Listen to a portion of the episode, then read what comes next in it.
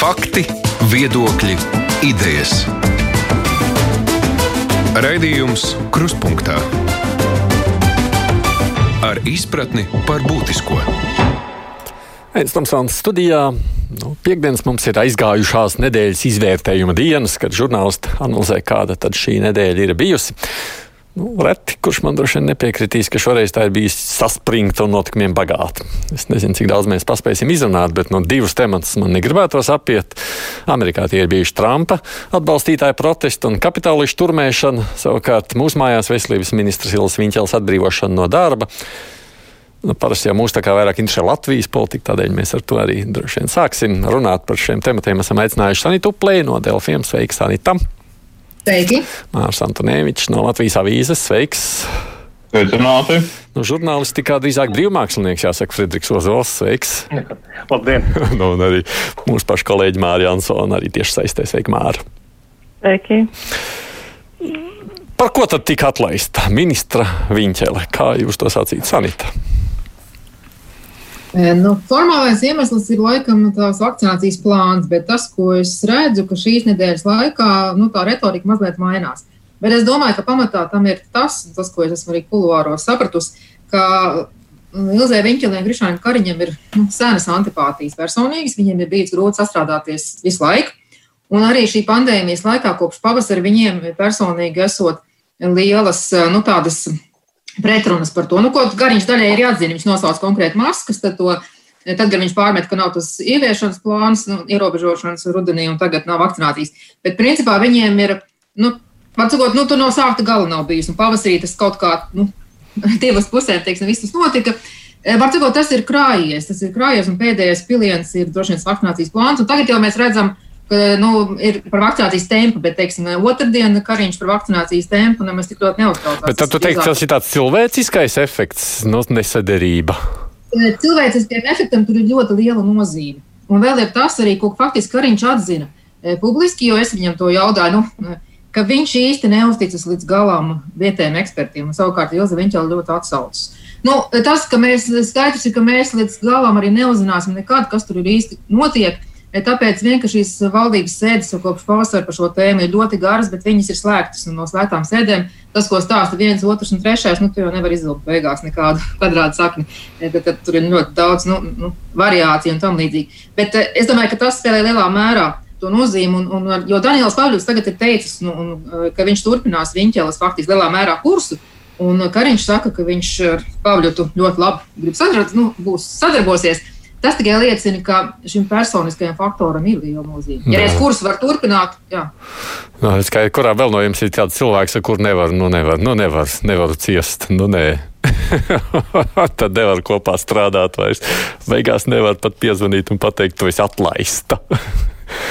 Ko jūs sakāt? Nu, es vēl piebildīšu tad laidīšu pārējās vārdu, bet uh, Ar valdību ir tā, ka mums ir, nu, politikā ir tā, ka nu, tas ir publisks darbs, teiksim, cilvēkiem jārēķinās. Bet no otras puses, nu, starp ministru prezidentu un ministriem ir tomēr tādas sava veida darba tiesiskās attiecības. Un ministra prezidents ir priekšnieks, un viņš var pateikt, ja tu nedari publiski. Viņam nav jā, jā, jāskaidro. Mēs arī neejam publiski saviem priekšniekiem, jo mums kaut kas ir un neskaidrojam visai pasaulē. Tās ir viņa tiesības un likums. Viņam uzliek, un arī ministram nav iespēja faktiski pretoties. Viņam ir jāiet. Tā kā nevajag arī sagaidīt, ka tagad tiešām televīzijā vai kur kariņš ies, un viņi jau mm. tagad divi tādi risinās tos attiecības. Viņi jau to nedara, bet mēs gribot saprast, jo tas ir publisks darbs. Beigās gribam saprast, kāpēc tas tā ir noticis vai nav noticis. Māri, ko tu domā par visu šo? Nu, nu es domāju, tur parādās arī savā ziņā sistēma, sistēmas problēmas, kas Latvijā ir, kas nosacīta koalīcijas valdība valdība, nu, koalīcijas, kad ministru prezidentam it kā būtu jābūt tam, kas nāk ar to sastāvu, un tā arī formāli ir. Viņš iesniedz to sastāvu apstiprināšanai saimā, bet cik tas tiešām nāk no sirds, cik tas viņam ir no partijām, patiem ir jāstrādā. Jo tad Kariņam daudz, nu jā, tu atlaidi viņu, bet vai tu pārējie strādā labi? Nu, viņš varētu noteikti teikt, ka nē, nestrādā labi, bet nu, tad dodiet man iespēju, es veidoju pats savu valdību, bet tā nebūs koalīcijas valdība. Es domāju, ka tā galvenā problēma, viņas galvenā problēma ir tā, ka viņa tiešām lielā mērā nespēja strādāt komandā. Varbūt viņa spēja strādāt tādā komandā, kur, kur viņai ir tā noteicošā loma, nu, kur, teiksim, bet nevis tāda, uzdevumus un, un kaut kādu iebildumu, tad acīm redzot, tas visu laiku līda kaut kur ārā šajās attiecībās, un es mēģināju apkopot, nu, principā jau, jā, tiešām, ja pavasarī tas bija vairāk tāda aizkulisku informācija, ka kaut kas tur premjeram ar veselības ministru īsti nav, ka viens kā, grib to, otrs tā kā to, tad vasarā faktiski tas kaut kur no jūlija sāk skanēt publiskajos tekstos. Domāju, viens no tādiem spilgtākajiem bija tā, tā pēc tās intervija žurnālā ir, kur viņš ļoti tiešā tekstā pateica, ka ministri nepilda to, ko viņš uzdod. Šajā gadījumā viņš bija prasījis plānu, tātad plāns nebija.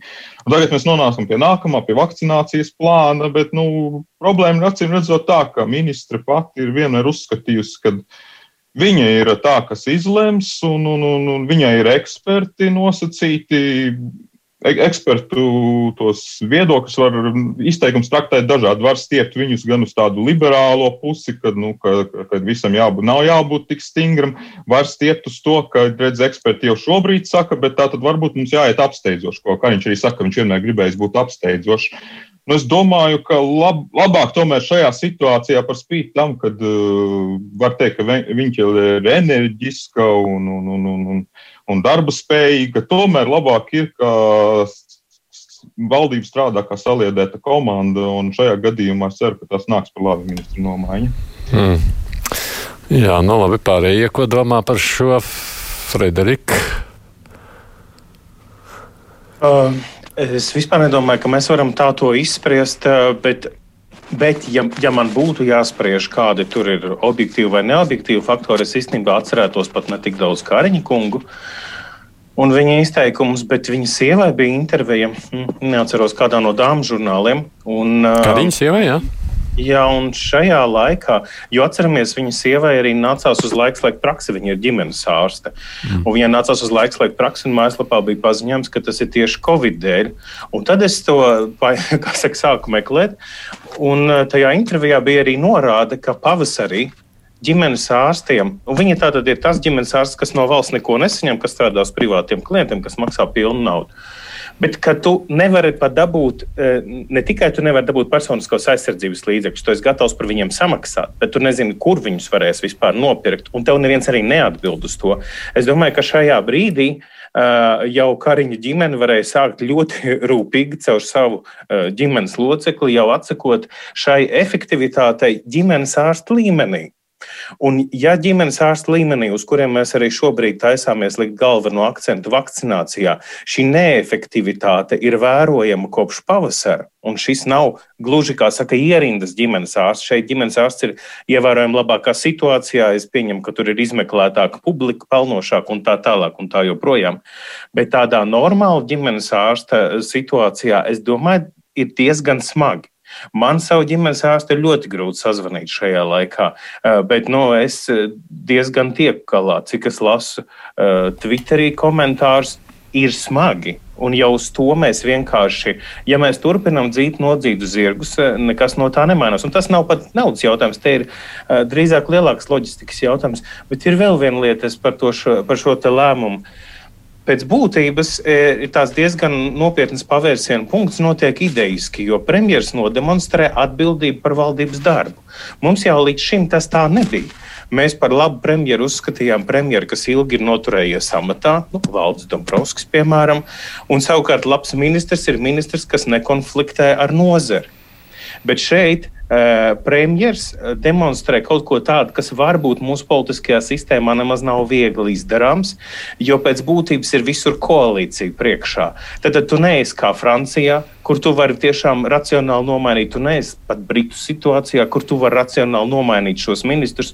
Un tas vispār neizraisa pārpratums un nesāks izmeklēšanu, ko sliktu ministrs ir darījis. Varbūt pat neko nav darījis. Varbūt es jūtu, ka uz nākamajiem trijiem mēnešiem šis nav īstais cilvēks, bet man ir krīzes menedžers, kurš nākamajos trijos mēnešos var kaut ko izdarīt labāk. Tev pat tas nav īpaši jāpaskaidro.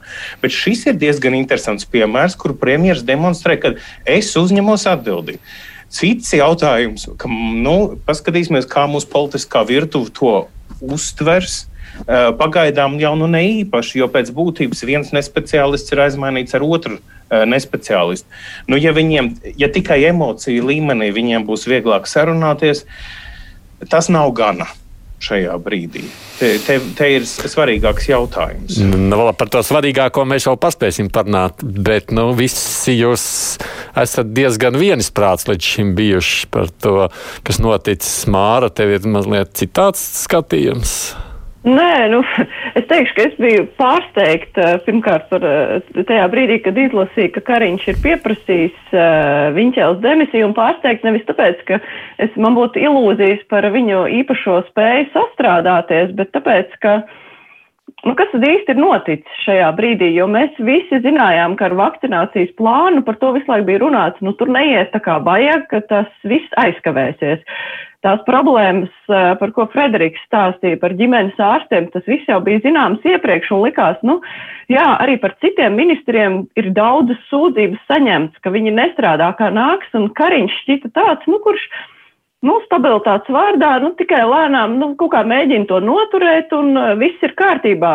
Un te pēkšņi bāc, viens ministrs tiek izmests, un es, es, man, tas bija likās tāds, nu, negaidīts solis tieši no Kariņa puses, jo viņš kaut kādā ļoti miermīlīgi visu laiku uztvēra jebko, kas tika teikts par valdību, par atsevišķiem ministriem. Nu, kas šajā gadījumā bija tas uh, īstais pavērsienu punkts, es, es, tiešām viņš, īsti nezinu. Viņš palika nervozāks vienkārši es nezinu, vai viņš pa jauno gadu bija palicis nervozāks, bet, nu, acīm redzot, kaut kas ir noticis, tas nav tikai vakcinācijas plāns, jo vakcinācijas plāns ir tikai viens no daudziem elementiem. Man grūti iedomāties, ka varēja tajā podiņā pilēt, pilēt, pilēt, un ka tā bija tas, tas kas pār, pārvilka pāri. Nu, tajā pašā Tad laikā vakcinācija var būt tajā pašā laikā, nu, lai nu ko mēs nesacītu, bet vakcinācijas plāns un vispār vakcinācija droši vien šobrīd ir, ja neviens vissvarīgākais jautājums Latvijā, tad nu viens no noteikti, vai ne tā? Protams, ka tā, bet par to, ka, ka vakcīna ir maz, to jau zināja pirms tam.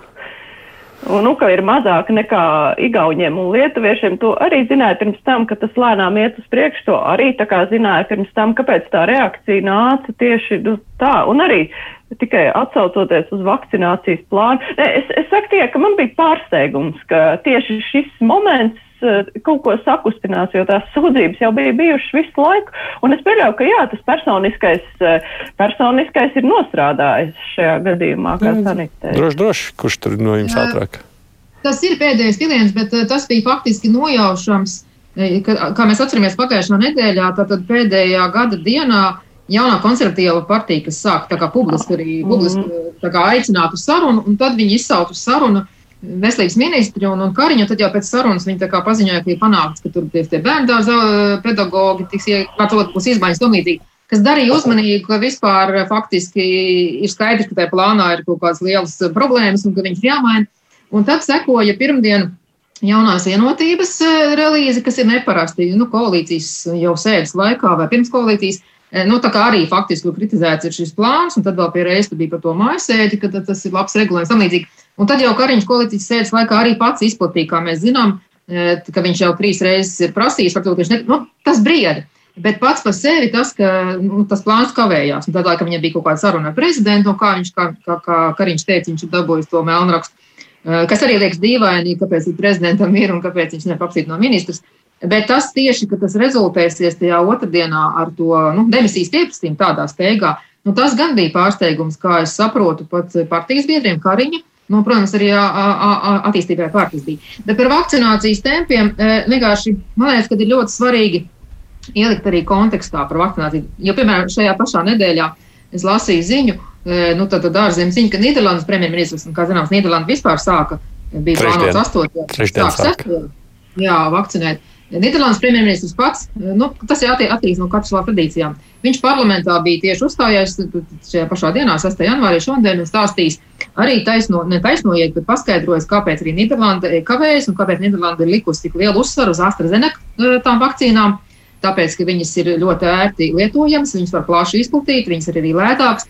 Ar to es gribu pateikt, ka tagad mums arī, teiksim, ja cilvēki neiedziļinās detaļās, tad ir tā, nu, tu kaut ko padzirdi, un ir sevišķi sociālos tīklos tā diskusijas, visi ir tādi speciālisti, es atvainojos vakcinācijas, ja, eh, ka tas skaidrojums, ka mēs neesam vienīgā valsts, kas izvēlējās varbūt šo AstraZeneca, eh, tāpēc, ka, nu, tur ir tie tehnoloģiskie, kā saka, tie tās grūtības, ir tā, tās citas vakcīnas, teiksim, kas ir, nu, vajadzīgs lielais augstums tam līdzīgi.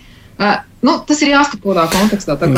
Konflikti jau vakcīnas dēļ šobrīd jau mēs redzam, ka visā Eiropā parādās. Vācijā ir pamatīga kritika, kuri gājuši par to, kā viņiem tur klājās. Francijā, kā jūs zināt, tur pirmajā nedēļā bija tikai ar laikam daži tūkstoši, tādi pār pa 40 tūkstošiem, un arī priekš viņu apmēriem tie ir ļoti zemi apjomi, kas tur ir, bet tur ir vispār liela, liela daļa negrib vakcinēties. Polijā mēs zinām skandāls par to, ka tur savakcinēja pirmos kaut kādas slavenības un aizdomas par to, ka tur vispār ir korupcijas skandāls tajā visā apkārt apakšā. Vakcinācija ļoti daudzās valstīs, ieskaitot beigās par Eiropas komisijas lielo iepirkumu, špīgala raksts, kas rāda, ka tur ir aizdomas. Nav tik viegli viss. Jā, bet, nu, jā, jā. Jā, bet nu, ir zin, zināma atšķirība. Labi, tur ir tās lielās problēmas, bet Latvijā jau viena no problēmām bija tā, ka vakcīnas ir atvestas, bet mums brīvdienās cenē, un par to jau bija viens no tiem pārmetumiem, ka mums tā plāna, ka tās vakcīnas jau ir klāta, nav. Viņš tā īsti nestrādā tik efektīvi, kā gribētos.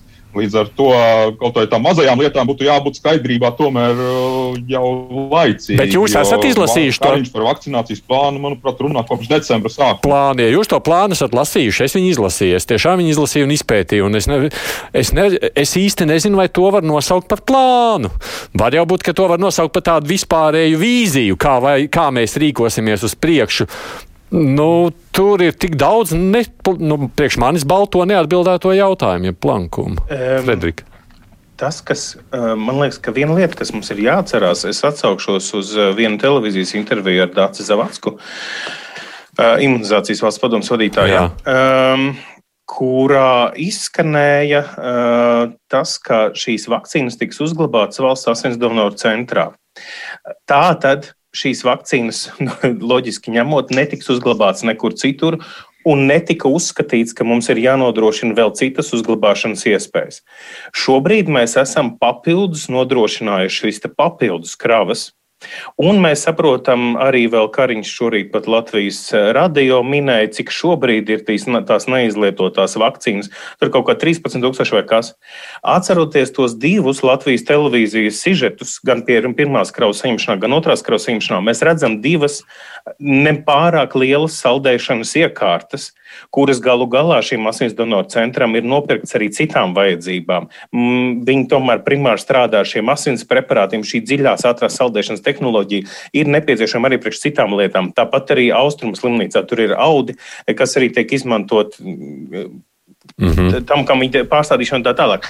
Bet um, mēs, nu, man Es pieņemu, tas ir tikai mans minējums, bet liekot šos faktus kopā, es neizbrīnītos, ja problēma būtu tāda, ka pēc nedēļas vai divām mums iestātos moments, kur vai nu būtu jāķer, jāglābj, jāmeklē kaut kāda papildus uzglabāšanas iespēja, varbūt pat jāprasa to uzglabāt vēl kaimiņu republikās, vai arī pat parādītos ziņa, kā Bavārijā jau, piemēram, notika tur gan bija transportēšanas dēļ, ka ir kaut kāds daudzums vakcīnu faktiski aiziet bojā. Nu, pieņemsim, mēs milzīgā ātrumā nogrūžam tagad uz reģionāliem kaut kādiem vakcinācijas vietām, nu, mēs esam dzirdējuši par 18 slimnīcām.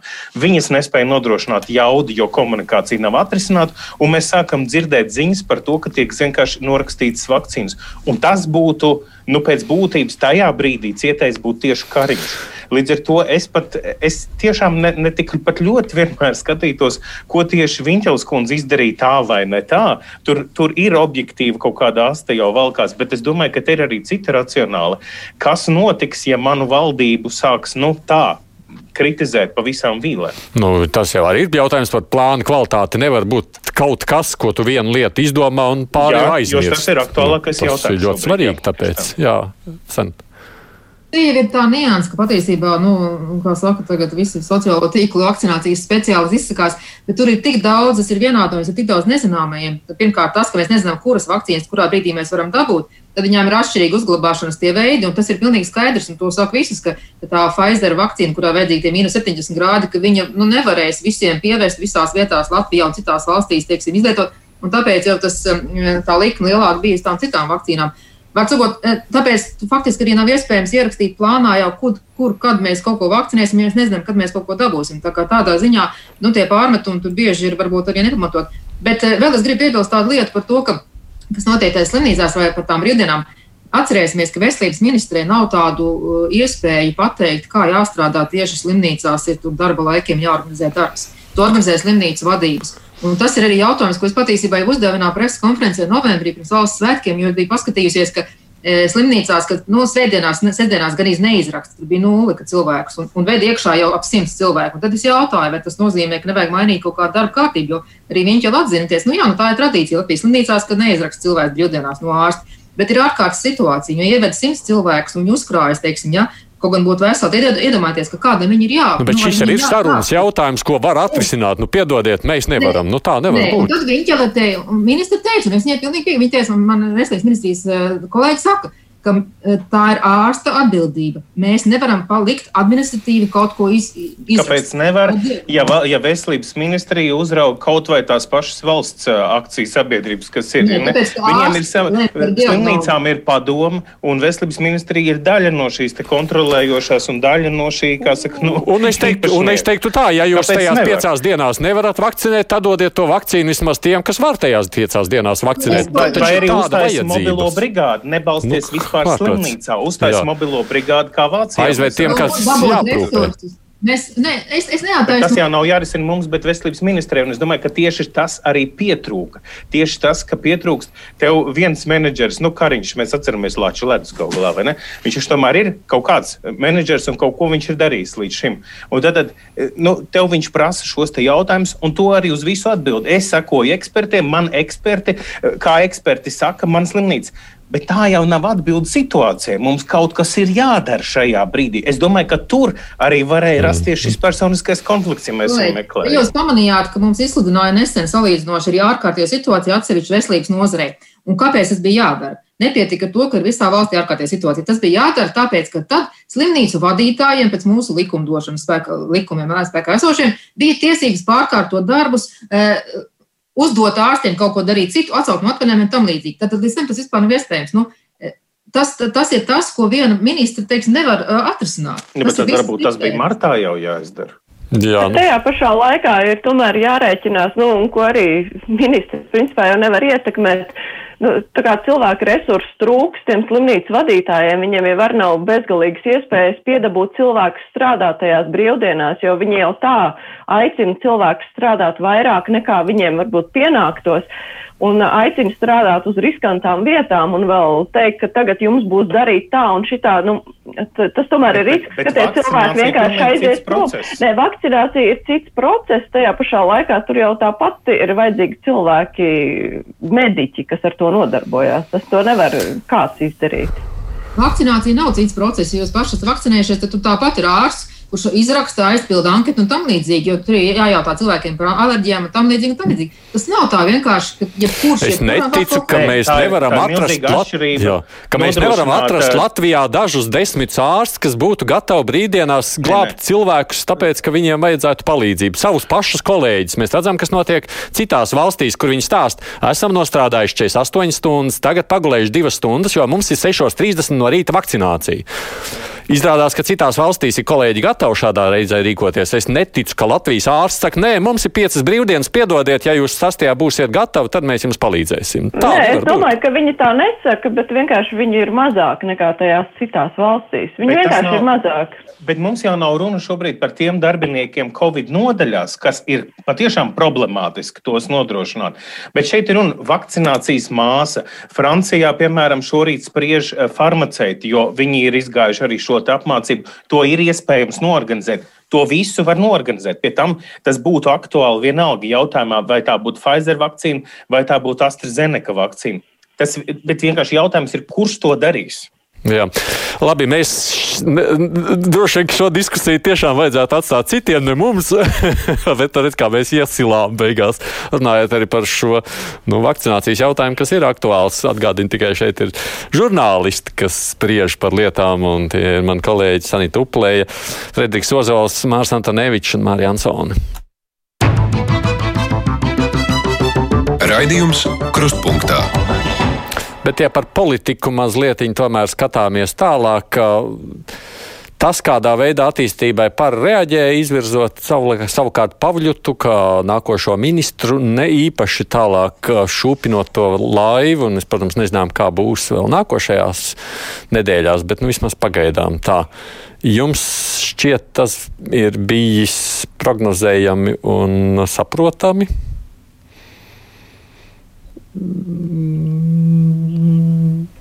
Nesapratāt jautājumu.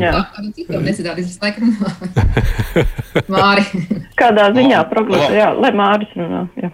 Labi, jā, jautājums tāds ļoti, ļoti tāds, tāds, kas liek aizdomāties par prognozējumu. Nē, nu, es domāju, ka tas ir nu, diezgan paredzami, ja partija grib tādu saglabāt tādu atbildīgas partijas tēlu, tad skaidrs, ka ir šajā brīdī nepieciešama ātra rīcība, ir atslēgas ministrija, kura nevar palikt bez vadības. Uh, Jautājums ir par to kandidātu, cik tās diskusijas bija un kā viņas bija apspriestas. Jo man, piemēram, iepriekš būtu šķitis, ka visticamāk pirmais kandidāts būs Andris Skride, kas ir nu, darbojies jomā, kas pats ir mediķis un, un kas arī politikā ir darbojies saimā veselības apakškomisiju vadījis. Un, tad, tad tas būtu varētu pirmā būt izvēle, bet nu, Te ir uh, savā ziņā arī mazliet, ja mēs runājam par politiku, nevis par to visu, visu situāciju. Tad uh, atcerieties, ka at attīstībai par arī ir tā kā apvienība politiska, un tur ir uh, kaut kāds tātad, attīm redzot, arī jomu sadalījums pa partijām. Jo, kad bija uh, varam, kad Juris Pūce bija atkāpies un bija jāapmeklē vidas. Uh,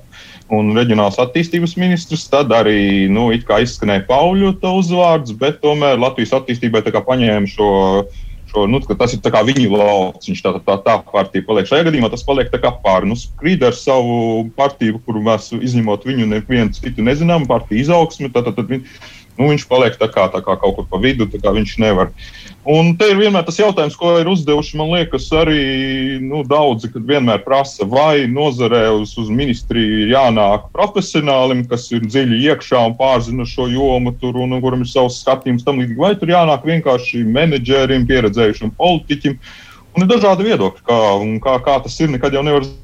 Nu, tagad daudz atceras, nu, kas, kas ir bijuši. Mums pārsvarā tomēr veselības ministri ir vadījuši ārsti. Nu, ir bijis vēl bez Tāds uzreiz pirmais neprofesionāls Gunārs Bērziņš nāk prātā. Nu, jā, daudz viņu atceras ar pozitīvu. Daudz atkal saka, ka viņš tur vienkārši dalīja naudu pa labi, pa kreisi. Ministrs slimnīcas sapirka dārgas, dārgas aparatūras, kuras tagad īsti nevar izmantot. Nu, tā, tā, tā.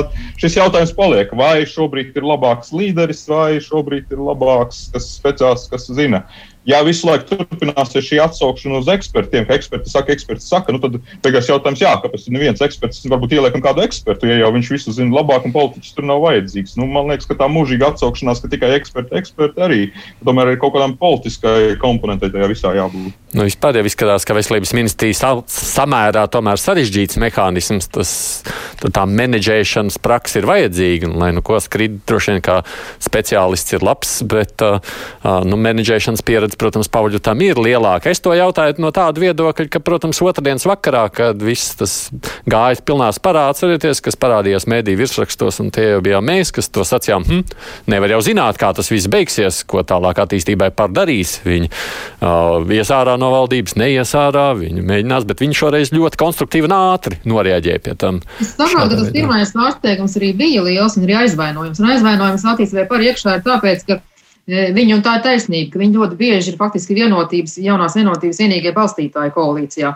Nu, ja viņi vairāk mazāk pārstāv vienu to pašu liberālo spārnu. Un tāpēc viņi nebija gaidījuši, nu, šāda veida ir arī tā tehnika, kā tas notika, ka Kariņš sasauca koalīcijas partnerus un pateica, ka viņš lietu nu jāpiedalās un, un tam līdzīgi. Un tad pirmajā vakarā faktiski tika arī vērtēta šī iespēja par to, ka varbūt ir jāiet, bet nu, tas laikam ātri tika atmests. Un, Jā, prom no valdības, un tad viņi saprata, ka tā atbildi ir pareizi vien viņi dara. Tāpēc, ka, ja viņi grib turpināt politikā un kaut ko panākt, pirmkārt, ja kurai partijai ir e, izdevīgi startēt uz vēlēšanām, tomēr vairāk vai mazāk no valdības, no nu, tev ir kaut kāda platforma.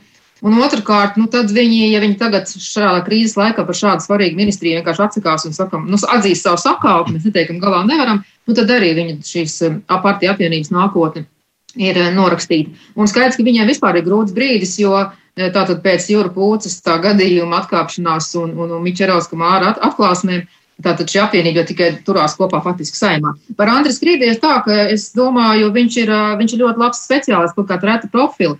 Būtu žēl zaudēt, un viņš praktizē kā ārsts, un viņš vada saimā svarīgu komisiju, sociālo un darba lietu komisiju, tā kā viņam ir, ir, ir tur ko darīt.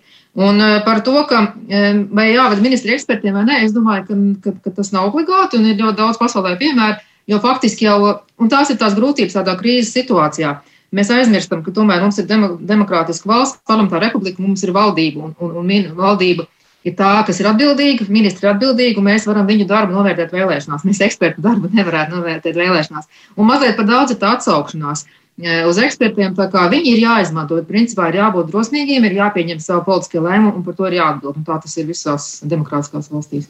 Mm. Mm, Fredrika. Man ļoti samulsināja tas, ka Uh, izplatot šo ziņu par, uh, par Daniela Pavļuta nominēšanu, momentāli sāka rakstīt šo vārdu jaudīgi, un es redzēju, ka vairāk Twitter lietotāji to arī pārspēja. Kolēģi tajā skaitā. Retvīto un jaudīgi. Un man liekas, ko tad man cenšas ieskopēt? Ka man ir, eh, kad, kad nevis tu teiksim, nopublicē nu, kaut kādu biogrāfijas faktu, un es uzreiz redzu, o, oh, jā, vau, kā mums ir paveicies, ir tiešām labākais iespējamais veselības ministrs šādai situācijai. Bet man sāk pilnīgi tādu vilni celt, ne, ka tas ir jaunīgi. Tas man nepatīk. Tas, tas, protams, šobrīd tas ir tikai komunikācijas jautājums, vai tam ir kaut kāds. Uh, Vai tas kaut ko liecina, nezinu. Es biju iedomājies, bet, protams, ka tas nebija iespējams, jo viņiem kaut kāds tur melns kaķis ir laikam pārsteigājis ceļu. Um, es biju iedomājies, ka tāds cilvēks, nu, pieņemsim, kā uh, Jākapils slimnīcas valdes loceklis, neiroķirurgs Renārs Putniņš. Nu, man, man tāds viņš tāds kā profils šķīstu tāds. Uh, es nezinu, kāpēc tas bija pilnīgi tā, uh, jo viņš bija arī Kariņam ārštata padomnieks, ja nemaldos šajos. Uh, Jā, un, un redziet, viņam tās, tās attiecības izšķīra. Savukārt par attīstībai pār un vienotības kaut kādu tādu, ka viņi būtu dabiskie partneri, es gan ļoti šaubītos, jo mēs tieši redzam, ka ja jau tu veidoji atsevišķu spēku, nu, faktiski apvienību, kas nu jau kļūst par tādu politisko Frankensteinu, jo, jo viņa, redz, tu jau nevar domāt tikai par parku, tev ir jādomā par to Latvijas attīstībai tur iekšā, un, nu, skrida tur, jā, nu, tas ir vēl kaut kas, vēl kaut kāds apendiks tajā Visā. Tātad viņiem attiecības ar vienotību nemaz nav dabiski uh, izcils. Tas nekas, ka viņi uh, varbūt nomināli, nu, paziņojuma līmenī pārstāv kaut kādu vienu politisko ideju, bet nu, mēs redzam, ka mūsdienās tas ir tik izšķīts jēdziens, tam, tam nav tāda ļoti liela noseguma. Uh, Man, es tad drīzāk prasītu, kāda bija prezidenta kancelēs loma. Es, es vēl ar vienu nevaru no šīs idejas noliekt nost. Ne tikai uh, Levits bija pirmais, kas, uh, kas pieminēja ministru iespējamu aizvietošanu, bet arī dzen, patiešām tas vakcinācijas plāns tika saņemts no prezidenta kancelēs tieši tajā liktenīgajā dienā. Un pēc tam arī televīzijas intervijā uh, Levits šķita tāds. Viņš tā kā nespēja īsti atbildēt, ja nemaldos, Bērtu uz tiem, tiem jautājumiem, nu, vai tas bija viņš, nu, vai tad Kariņš ar viņu pirms tam ir pa telefonu runājis. Man likās, ka viņš bez mazliet gribētu pateikt, nu jā, tas bija es, visu būtisko izdarīju patiesībā es. Mm, E, es domāju, ka tur un, un, un tas nebūtu pārsteidzoši, jo galu galā arī prezidenta uh, nu, tajā tuvajā lokā ir cilvēki, kuriem arī dzen, ir savs viedoklis par uh, Viņķels kundzi. Tā kā, ja mēs meklētu revanšismu versijai pierādījumu, mēs varētu kaut ko atrast arī tādā izpildījumā. Frederika, bet, bet prezidentam jau arī pēdējā laikā diezgan bieži prasīja, kur ir prezidents, kāpēc viņš neiesaistās. Viņš bija mums krustpunktā uz interviju un prasījām jautājām, nu, prezidenta kungs, vai jūs iesaistīsieties, vai jūs sasauksiet varbūt kādu sēdi valdības, ja reiz vald, ar valdību ir tā. Tad viņš teica, nu, ka viņš jā, sav, savos ietveros nacionalizēt, viņš ir izvēlējies šādu ietveru. Aizkulišas sarunas un cīņa. jā, varbūt. Bet man ir grūti noticēt, ka viņš ir spēcīgs aizkulišu prezidents. Es domāju, ka šis vienkārši viņš pieķērās šai idejai, kas viņam tika piesviest. No. Nu. Ne, nu, varbūt, bet runājot par, par, to, par Pāvļu izvirzīšanu, man arī bija pirmā reakcija pēc tiem jaudīgajiem komentāriem. Nu, tāda mazliet pretestība, bet ja tā paskatās, kādas ir attīstībai par iespējas, tiešām negribētos mediķu resursus tērēt šajā gadījumā ministra amatam. Un Pāvļots jau nav slikts variants tādā ziņā, ka šobrīd ir krīze un ir jādomā par to, ne tikai par to, vai viņš pārzina medicīnisko pusi, es ceru, ka viņš spēja ieklausīties tajos, kuri ļoti labi zina šo medicīnisko pusi, bet tomēr ir ļoti svarīgi gan spēt sarunāties valdībā, gan ar visiem citiem un panākt kaut kādu autoritāti, lai nu, tā, savākt to visu kopā. Tas ir ļoti svarīgi. Un šai, šajā situācijā es domāju, ka viņš ir piemērots. Jā, par Pāvļu. Viņam ir, kā zināms, liela pieredze gan kā ierēdnim, tad, tad valsts sekretārs viņš ir bijis, viņš ir bijis ministrs. Un runājot par saimnu, teiksim, atgādināšu par to, Frederika. Nu, es, es spriežu pēc vienkārši kaut kādiem balsojumiem un, un lietām saimā, kur ir tā, ka bieži vien vienotība attīstībai pārteiksim ir nu, nostājas pret pārējiem. Bet ir arī citādi, jo šī koalīcija vispār izceļas ar to, ka tie balsojumi ir tādi ļoti, ļoti īpatnēji. Bet, tad, un, un arī tā kā Daniels Pāvils vadīja frakciju, un tā kā viņš saimā, teiksim, turēja kopā kaut kādas lietas, jā, viņam ir ļoti liels spējas, viņš spēja menedžēt lietas, viņš spēja disciplinēt, viņš spēja, un tas ir tas, kas varētu būt izšķirošajā brīdī. Nu, viņš ir inteliģents sarunbiedrs, un tas nav mazsvarīgi šajā brīdī, kad acīm redzami šī nekomunikācija ir sasniegusi pat par sevi bīstamu līmeni. Tam es noteikti piekrītu. Mhm. Māri, jā, un viens no svarīgākajiem, man liekas, jautājumiem, jo uz fona, kā tika atlaista, viņš, manuprāt, būs tieši šī sadarbība ar Kariņu Pauļutam, un tas mums tā kā, mēs tur nezinām, nezinām daudz, kāda viņiem personiskās attiecības. Pagaidām viņi viens ļoti par otru ļoti pieklājīgi izsakās, un bet, nu, tā sajūta, ka varētu būt. Bet no otras, protams, būs pareizi, jā, publiskā komunikācija. Viņa, lai viņa bija tāda specifiska, viņa tāda bija, es teiktu, tāda mazliet augstprātīga, tāda, nu, ka es zinu visu pareizi. Nu, tur viņai bija daudz piekritēju, daudz kas uzskatīja, ka viņa pareizi runā ar sabiedrību, bet vai tas tā bija, jo, manuprāt, viņa arī daudzu skaitināja. Līdz ar to brīdī, kad sabiedrība ir jāmobilizē, jāvieno, tad tas nav labi. Vajadzīgs tāds cilvēks, kas tomēr vairāk vien, šo vienojošo faktoru izdarītu. Beidzam šodien ar Latvijas politiku. Paldies jums par to, bet mājās jūs neiet, piedodiet, vēl ir minūtes nepilns 20. Mēs esam mājās. Mēs Ai, kā jums paveicās? Nu, man jau darbs tikpat kā mājas. Bet, ja runājam savukārt par uh, to, kas noticis pasaulē, lielākoties jau mēs piekdienās pamatā runājam par Latvijas politiku, bet nu, šī bijusi tā nedēļa, kad es negribēju apiet arī pasaules notikumus. Taisnība, mēs jau radio esam šeit par to runājuši jau arī vakar un arī dažādos raidījumos raidījumos, bet notikums ir bijis pietiekoši spilgts, lai to nepieminētu. Tas ir stāsts par Vašingtonu, protestiem, Kapitolija ieņemšanu un visām tām tālākajām kaislībām, kas Amerikā man šķiet vēl tikai apgriezienus uzņem šobrīd. Kā raksturojat to, kas šajā nedēļā ir noticis ASV? Frederiks, sāksim ar tevi.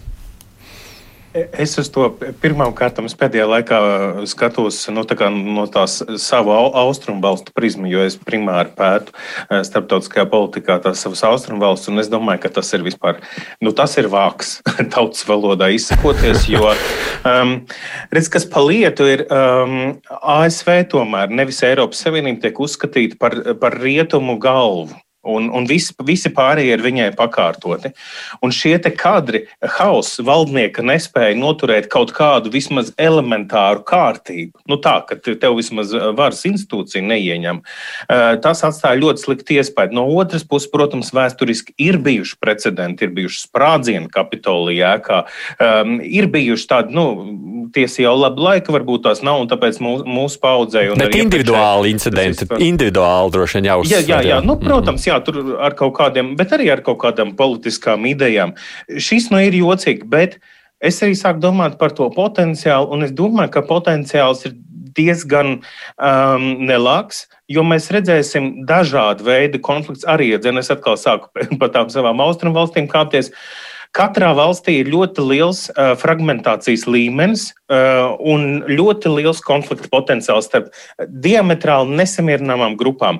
Vienojošas idejas nav, Un, toties ir absolūti dažādi pretinieki, gan, nu, kas pilnīgi dažādi redz to savu dzīvi. Un arī ASV gadījumā es neredzu nekādas priekšnosacījumus, kādēļ šīs nesamierināmās puses tikai tāpēc, ka Baidens uh, runā mums patīkamākā vai saprotamākā vai racionālākā veidā, vai tādēļ šie cilvēki, uh, tie jau nav viena, viņi jau nav homogēna grupa, tie, kas uh, iebruka tajā kapitolijā. Vai, vai tagad viņi tāpēc nomierināsies. Nu, ko, nu, arī ko mēs saprotam, nomierināsies. Atteikties no tā, ko tu vēlies, viņam jau katram ir savas vēlmes. Vienam ir tīri ekonomisks, vienam ir politisks, vienam ir uz sadzīves modeli, kas ir apkārt vērams. Nu, es domāju, ka mēs redzēsim šo te vēl, un es redzu konfliktu potenciālu. Parīzē, piemēram, Parīzes piepilsētās mēs šo, šogad jau redzējām. Dažādas grupas dažādā veidā izpildās. Bet ir svarīgi, vai šie konflikti tiks provocēti, jo šis gājiens uz Kapitoliju notika konkrētā dienā pēc Trumpa uzrunas, un tur bija nu, skaidrs, kur ir notikusi tā provokācija. Iespējams, protams, ka tur ne, vēl bija kaut kāda provokācija. Viņš teica, mēs iesim kopā jā. uz Kapitoliju, viņš gan pats neaizgāja. Jā, un, eh, un eh, varbūt tur vēl bija kāds, kurš, eh, nezinu, pakurināja to vairāk, es nezinu, manis tur nebija, bet uh, Tagad nākamais ir prezidenta inaugurācija, nu, tāds notikums, kam var piesiet vēl kaut kādus protestus, bet uh, no vienas puses, ja nav nekādi šie provocējošie notikumi, tas varētu it kā norimt, bet jautājums, vai būs kāds, kurš mēģinās izmantot to, ka cilvēki ir iekšēji uzkurināti, ka viņi ir potenciāli gatavi kaut ko darīt. Un, eh, vai uz vietas Amerikā vai ārpus Amerikas. Es, es, es nezinu, vai Trumps ir sapratis, eh, ko viņš ir izdarījis. Gan jau, ka ir eh, sapratis, bet, bet, bet Jā. Tur jau nav tikai cilvēks, jau nav vienkārši marionete, kuru tu pagriezi un aizēji. Jautājums ir cits. Viņš nomierināsies tad, ja tu izpildi kaut kādas lietas. Ja tu redzi, ka, pieņemsim, ienākums aug, uh, nu, kaut kāds dzīve kļūst komfortablāk, nu, kaut kas no Amerikas sapņa piepildās, tad tev pazūd kaut kādi argumenti. Bet to visu jau Amerika šobrīd nevarēs nodrošināt. Nu, nav tāda priekšnoteikuma. Bet te jau tie pamatargumenti ir vēlēšanas. Kūdīšanas faktors jā. jau ir svarīgs tomēr, vai ir kāds, kurš sakūda, jo cilvēks vajag organizēt. Nu jā, Sanita.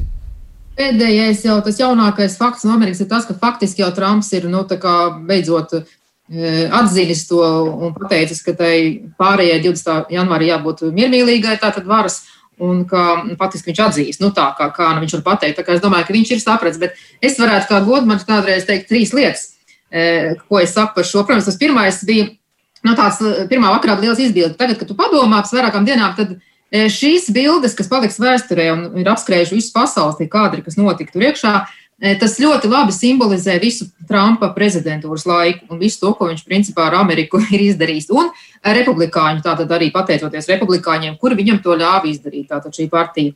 Uh, otra lieta ir tas, ka Tā situācija nav tik traģiska, tāpēc, ka tie bija tomēr cik daudz cilvēku, daži simti, nebija pat daži tūkstoši. Mēs redzam, ka nekur citur tas nenotiek, teiksim, citās, nu, teiksim, štatos vēl kaut kur. Tātad, no, ņemot vērā, ka faktiski Amerikā tas dalījums ir pusi uz pusi vēlētāji, kā mēs zinām, Baidens netika ievēlēts ar 90% un Trumps nepalika 10%, ja? tā polarizācija, tad tas tomēr ir ļoti mazs skaits. Tie tomēr ir tikai radikālākie cilvēki, tā kā nevajag pat, nevar pateikt, ka visi Trumpa atbalstītāji vai visi republikāņi ir šāda veida. Un, un trešā lieta, es teiktu, ka tas ir pat labi, ka tas tā notika.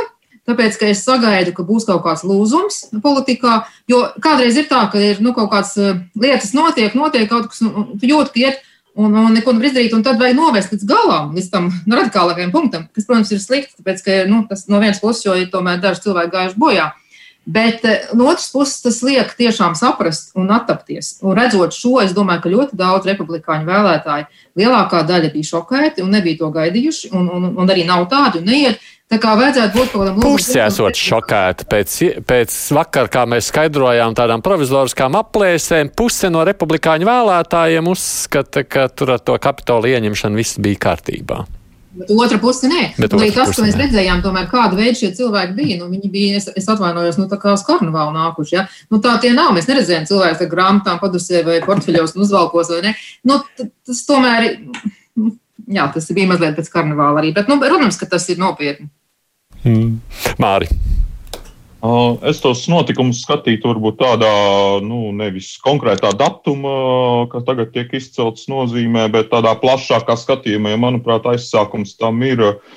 Nu, šādu, šādām formām jau ir Black Lives Matter sākumā, kas tika izmantots arī politiski. Tātad notiek grautiņi, bet kādam tas ir vajadzīgs, lai tajā brīdī politisko situāciju sāsinātu un lai parādītu, ka Trumps nespēja tikt galā. Uh, Tātad tur tas viss norims, tad nāk vēlēšanas, un tur jau tā kā tiek stāstīts, ka, nu, ziniet, ja vēlēšanas nebeigsies tā kā vajag Trumpam, tad tur visticamāk būs plaši nemieri, tur daži pat sāk pieminēt pilsoņu karu.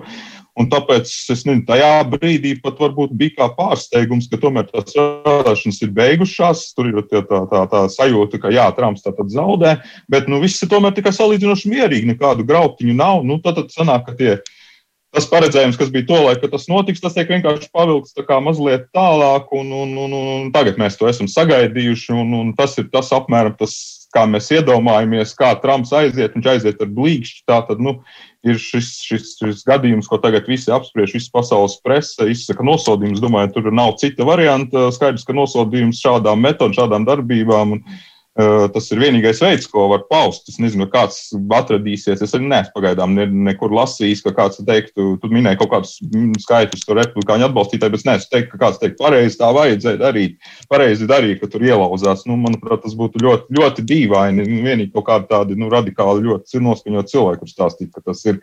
Bet manā ieskatā, ka patiesībā, ja Trumps to, nu, tagad ir tas stāsts, ka jā, ka viņš atkāpjas un saka, ka ne, nevajag, ka tas ir slikti un ka visam jābūt mierīgi. Manuprāt, viņš ir zaudējis ar šo gājienu, ja viņš to nebija paredzējis, jo uh, situācija bija izveidojusies tāda, ka viņam bija liels iespējas palikt politikā un, un patiesībā turpināt uzmundrināt savus atbalstītājus, turēt viņus, jo republikāņiem īsti alternatīvas šobrīd līdera nav. Trumpam ir daudz atbalstītāju. Manuprāt, tomēr šis būs tas brīdis, kad daudzi no viņa varētu novērsties. Arī tā pati republikāņu partija, kas ļoti ilgi turējās pretī un tikai pamazām kļuva par tādu Trumpa tādu partiju, kas Trumpu vienoti atbalsta, tad arī tur parādīsies atkal tas vecais noskaņojums, kas bija pirms un pēc viņa ievēlēšanas, ka, nu, ka Tas nav tā, tādu līderi mēs nevaram iet un pavadām tur, nu, lai cik viņš ir populārs kaut kādā sabiedrības daļā, mēs tur nevaram pie viņa turēties. Tā kā es domāju, ka tie, ar šo blīkšķi viņš tomēr viņa zvaigzni arī sāk norietēt. Mm. Bet, ja mēs skatāmies vispār uz pasauli kā tādu nu, kopējo politikas arēnu un vārdu trumpisms, kas ir iegājies jau iekšā raksturojot šo te politiku, kādu īstenoja Donalds Trumps, vai tas varētu arī dot atsitienu citu vietu, pieņemsim kaut kādā pašā Eiropā? Frederiks Kaut vai pie mums, eh, um, savulaik, kad tieši Trumpa ievēlēja, man bija jātaisa sižets vēl Latvijas televīzijai nu, par to, kā tas. Un, un es tieši toreiz, toreiz Ieps vēl bija cilvēks, vēl nebija aizgājis politikā, un, un tad es viņu intervēju. Viņš ļoti labi viņš pateica, nu, kas, kad, pateica to, ko vajadzēja priekš ierakstīt. Ja, kad uh, patiešām tas, kas notiek Amerikā, agri vai vēlu, pārnāk pāri dīķim un nonāk arī pie mums, mēs jau to redzam. Mums jau tram, trumpisms politikā jau ir, un nav jau viņš, uh, mēs tā kā domājam, domājam, ka tas trumpisms izpaužās tikai tādos ļoti neordināros spēkos vai līderos, vai sazīmējam to teiksim, tikai krastmalā vai vēl kaut kur, vai, vai, vai pļaviņi tur ūdeņos un, un tādās lietās. Bet mēs viņu redzam arī ļoti pieredzinātā un ļoti tradicionālā politikā. Mēs to redzam arī mūsu valdībā vienkārši kaut kādos elementos. Uh, tas varētu kļūt spēcīgāks, bet es gribētu par to nosodījumu, gan es gribētu pateikt. Zināt, tas ir līdzīgi kā tagad ar, to, ar tiem Covid ierobežošanas pasākumiem, kur ir izveidojusies tāda slēgta vide, kurā mēs sakām, sakām, eju, biedri, vajag vēl rūpīgāk ievērot tos nosacījumus. Jā, bet tā ir slēgta telpa. Tie, šie cilvēki, kuri nemitīgi šos augļus skandina, nu, saka, viņi atrodas tajā atbalsta kambarī, saucamajā. Ja, ir mūsu šī telpa, un mēs savā starpā, Twitterī vai vēl kaut kur viens otram sakam, tu zini, ka ir jābūt uzmanīgam. Mēs to zinām, bet tie pārējie jau to nezina. Ir jau citi šie kambari, kas arī dzird tikai savas atbalstus. Un tā ir šī fragmentācija.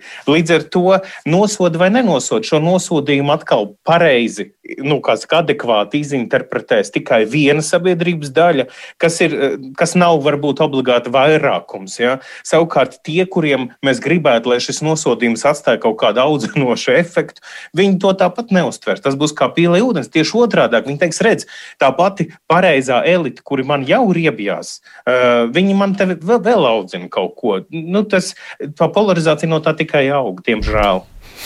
Jā, es sanīt. nedomāju, ka Latvijā draud trumpisms, tāpēc, ka vispār tādā tiešām nu, nozīmē, kas ir trumpisms. Un šis ir tā kā viens četru gadu fenomens. Tā es ienācu, ir izveidojis. Cilvēks, kas ienāca ne no politikas, nebija neko darījis, atnāca principā, nu, tā kā tas cirks. Un, un tas, eh, jā, viņam to atļauj darīt šī partija. Tas ir tas, ko es saku līdz šos gadus, apmēram visu laiku es gaidīju, ko republikāņu partija un atkal un katru reizi viņam, viņam pieder. Nu, tagad es domāju, tāpēc es teicu par to lūzumu, ka tagad tas vairs nebūs tā. Bet arī nu, mums nav iespējams Eiropā, varbūt tāpēc, ka mums nav tāda sistēma un arī tāds naudas daudzums un vispār nu, tā politika tāda izrāda. Un, eh, jā, bet eh, tad es savu personīgo viedokli par paust, ka politikā ir tiesības būt dažādiem viedokļiem, tā skaitā globzemam un tam līdzīgi. Tas, kas nedrīkst notikt, nedrīkst notikt šāda vardarbība. Un tas ir, ir arī Amerikas problēma, ka viņi nenosargā šo kapitoliju. Tas nu gan ir liels apkaunojums. Ja reiz, kad vasarā bija šie mm, Black Lives Matter tie protesti, tad tur bija bildes, kā, kā sargāja. Un ja tagad viņi ielaida Un šis ir arī pierādījums, ka demokrātija ir jāsargā, jo tiesiskā valstī ir jāsargā un ir tiesības protestēt, bet nav tiesības graut un nav tiesības postīt.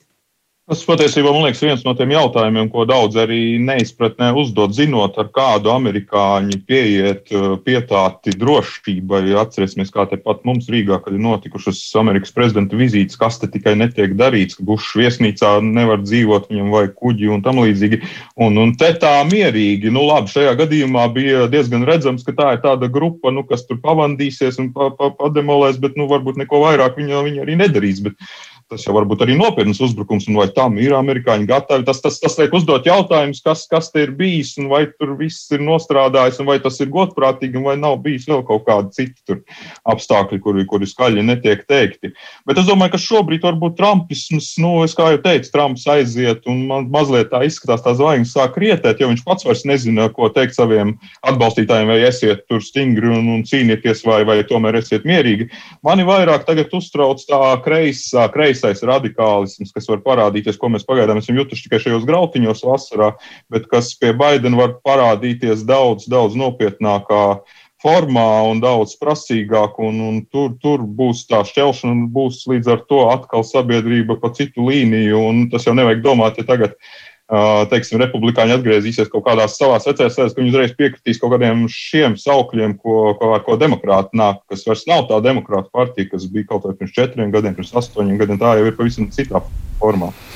Redz, mums jau, ja mēs skatītos vēl tajā salīdzinājumā, kādreiz mēs Latvijā sakām, mēdī, piemēram, nu, mums ir pārlieku vienpusēji kādi vai tur neuzklausa pretēju viedokli. Nu, tad atveriet vaļā, paskatieties ne tikai CNN, paskatieties kaut pat ne tikai Fox News, kaut vai es šādi palūkoju, piemēram, Van America News, kas ir Trumpa atbalstītāja kanāls.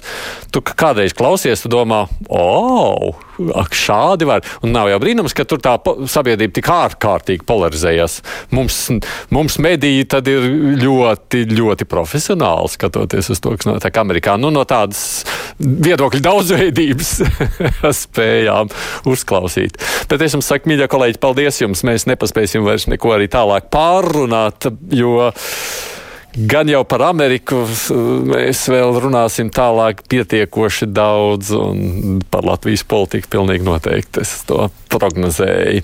Mārija Ansona, man kolēģi, kas uh, attālināti šodien piedalās raidījumā, tāpat tās kā vispāriem, Mārs Antonevičs no Latvijas avīzes, Sanī Tuplē no Delfiem, nu, un Fredriks Ozols, uh, nu, lai paliek tas brīvmākslinieks, man šis nosaukums tīri labi patīk producente Evi Junām, un studijā šodien biju es, Aidis Tomsons.